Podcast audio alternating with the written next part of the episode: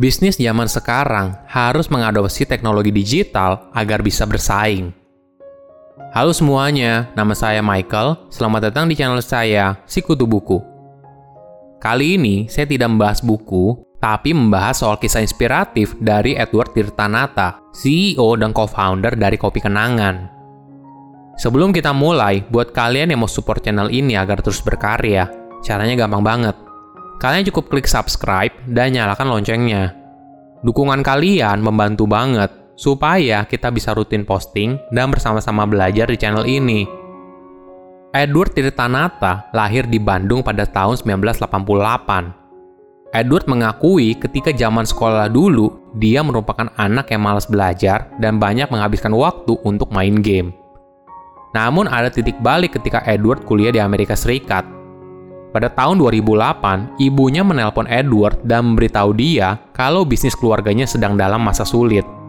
Kabar ini membuat Edward berpikir kembali soal masa depannya.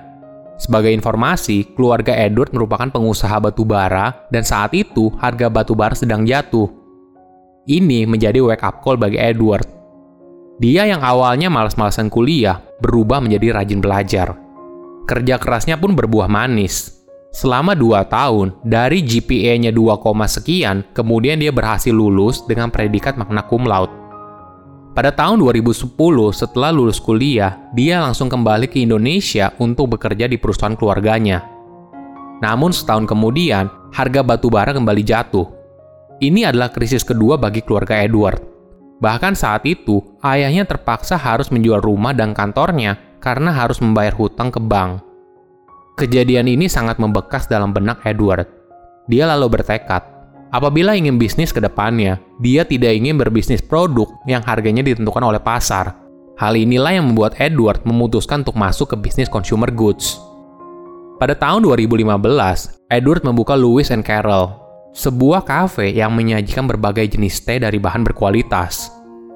Ide ini muncul karena banyak kafe saat itu fokus menjual kopi, sebagai diferensiasi, Edward membuka kafe yang fokus menjual teh. Namun, ketika bisnisnya mau di-scale up ke kota lain, dia mengalami kesulitan karena peminat teh dengan konsep cukup premium sulit diterima. Dari situ, Edward mulai berpikir keras dan akhirnya menciptakan kopi kenangan bersama partnernya, outlet yang menjual kopi dengan harga terjangkau. Ide awal dalam membuat kopi kenangan berasal dari kebiasaan Edward yang memang rutin mengkonsumsi kopi setiap hari. Dia mengamati, kalau misalnya konsumen membeli kopi seharga 40.000 setiap hari, artinya selama sebulan mereka menghabiskan 1,2 juta rupiah. Ini setara dengan hampir setengah dari upah minimum yang ada di Jakarta pada masa itu.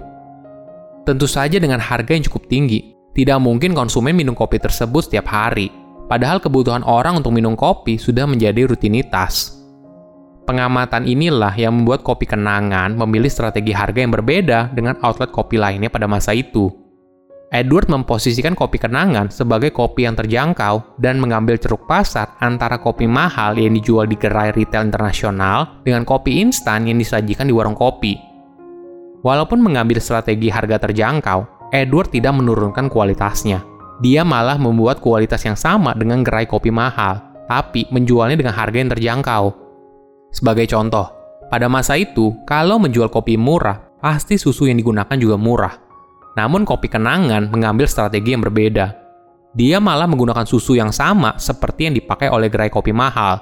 Bahkan, merek susunya itu sengaja dipajang untuk menarik pelanggan.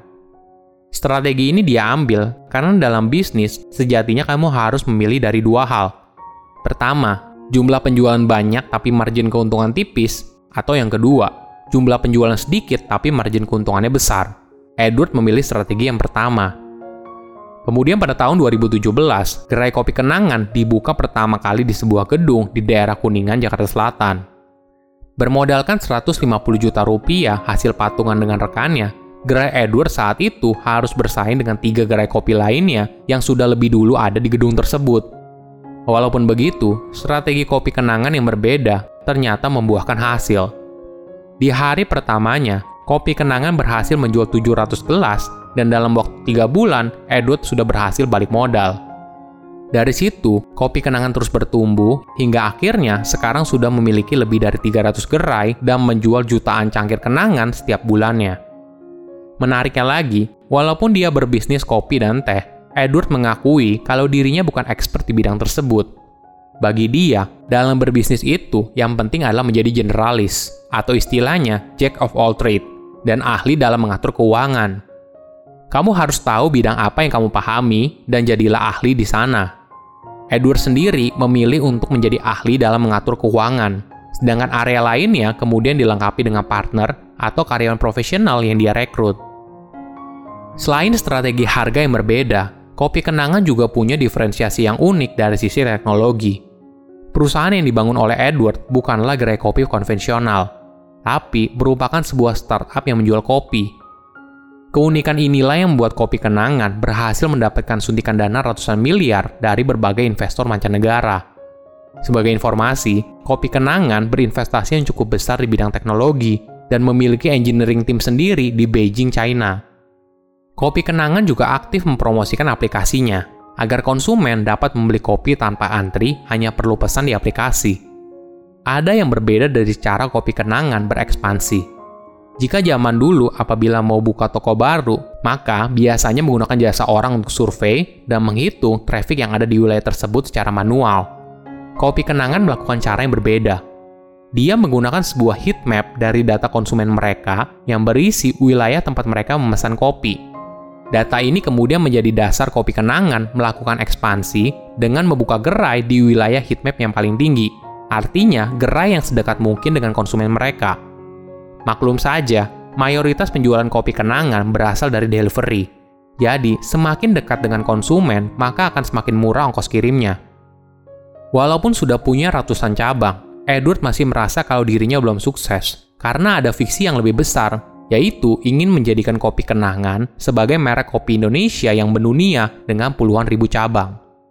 Edward juga selalu menekankan kepada timnya kalau kopi kenangan belum sukses dan harus selalu punya day one mentality Artinya, perusahaan tersebut harus tetap waspada dan selalu berinovasi. Nilai yang dianut oleh Edward berasal dari inspirasinya, yaitu Jeff Bezos. Bagi Jeff, perusahaan yang punya day two mentality akan gagal. Artinya, mereka merasa perusahaannya sudah sukses. Tanpa sadar, perusahaan tersebut menjadi lengah dan kalah dengan kompetitor lainnya. Inilah yang berusaha dihindari oleh Edward dalam membangun kopi kenangan. Perusahaan yang dia pimpin harus selalu berinovasi dan tidak cepat puas. Dalam bisnis tentu saja, kita akan mengalami naik turunnya. Seperti yang terjadi sekarang, kondisi pandemi COVID-19 memiliki dampak yang berat bagi bisnis F&B. Melihat hal tersebut, Edward mengambil langkah yang berani. Dia menerapkan one cup, one customer, one rupiah Artinya, Edward hanya mengambil gaji satu rupiah dari setiap omset kopi kenangan dari bulan Maret 2020 hingga pandemi berakhir. Komitmen ini dilakukan Edward untuk memastikan tidak ada PHK kepada ribuan barista dan karyawan tetapnya. Bagi dia, pelanggan dan karyawan merupakan dua prioritas utama yang mendukung keberhasilan kopi kenangan hingga sekarang. Bisnis zaman sekarang harus memiliki perpaduan antara cara konvensional dan digital – Apabila perusahaan tidak berani berinvestasi dalam teknologi, jangan kaget kalau suatu hari menjadi tidak relevan. Silahkan komen di kolom komentar pelajaran apa yang kalian dapat ketika tahu informasi ini. Selain itu, komen juga mau tahu informasi apa lagi yang saya review di video berikutnya. Saya undur diri, jangan lupa subscribe channel YouTube Sikutu Buku. Bye bye.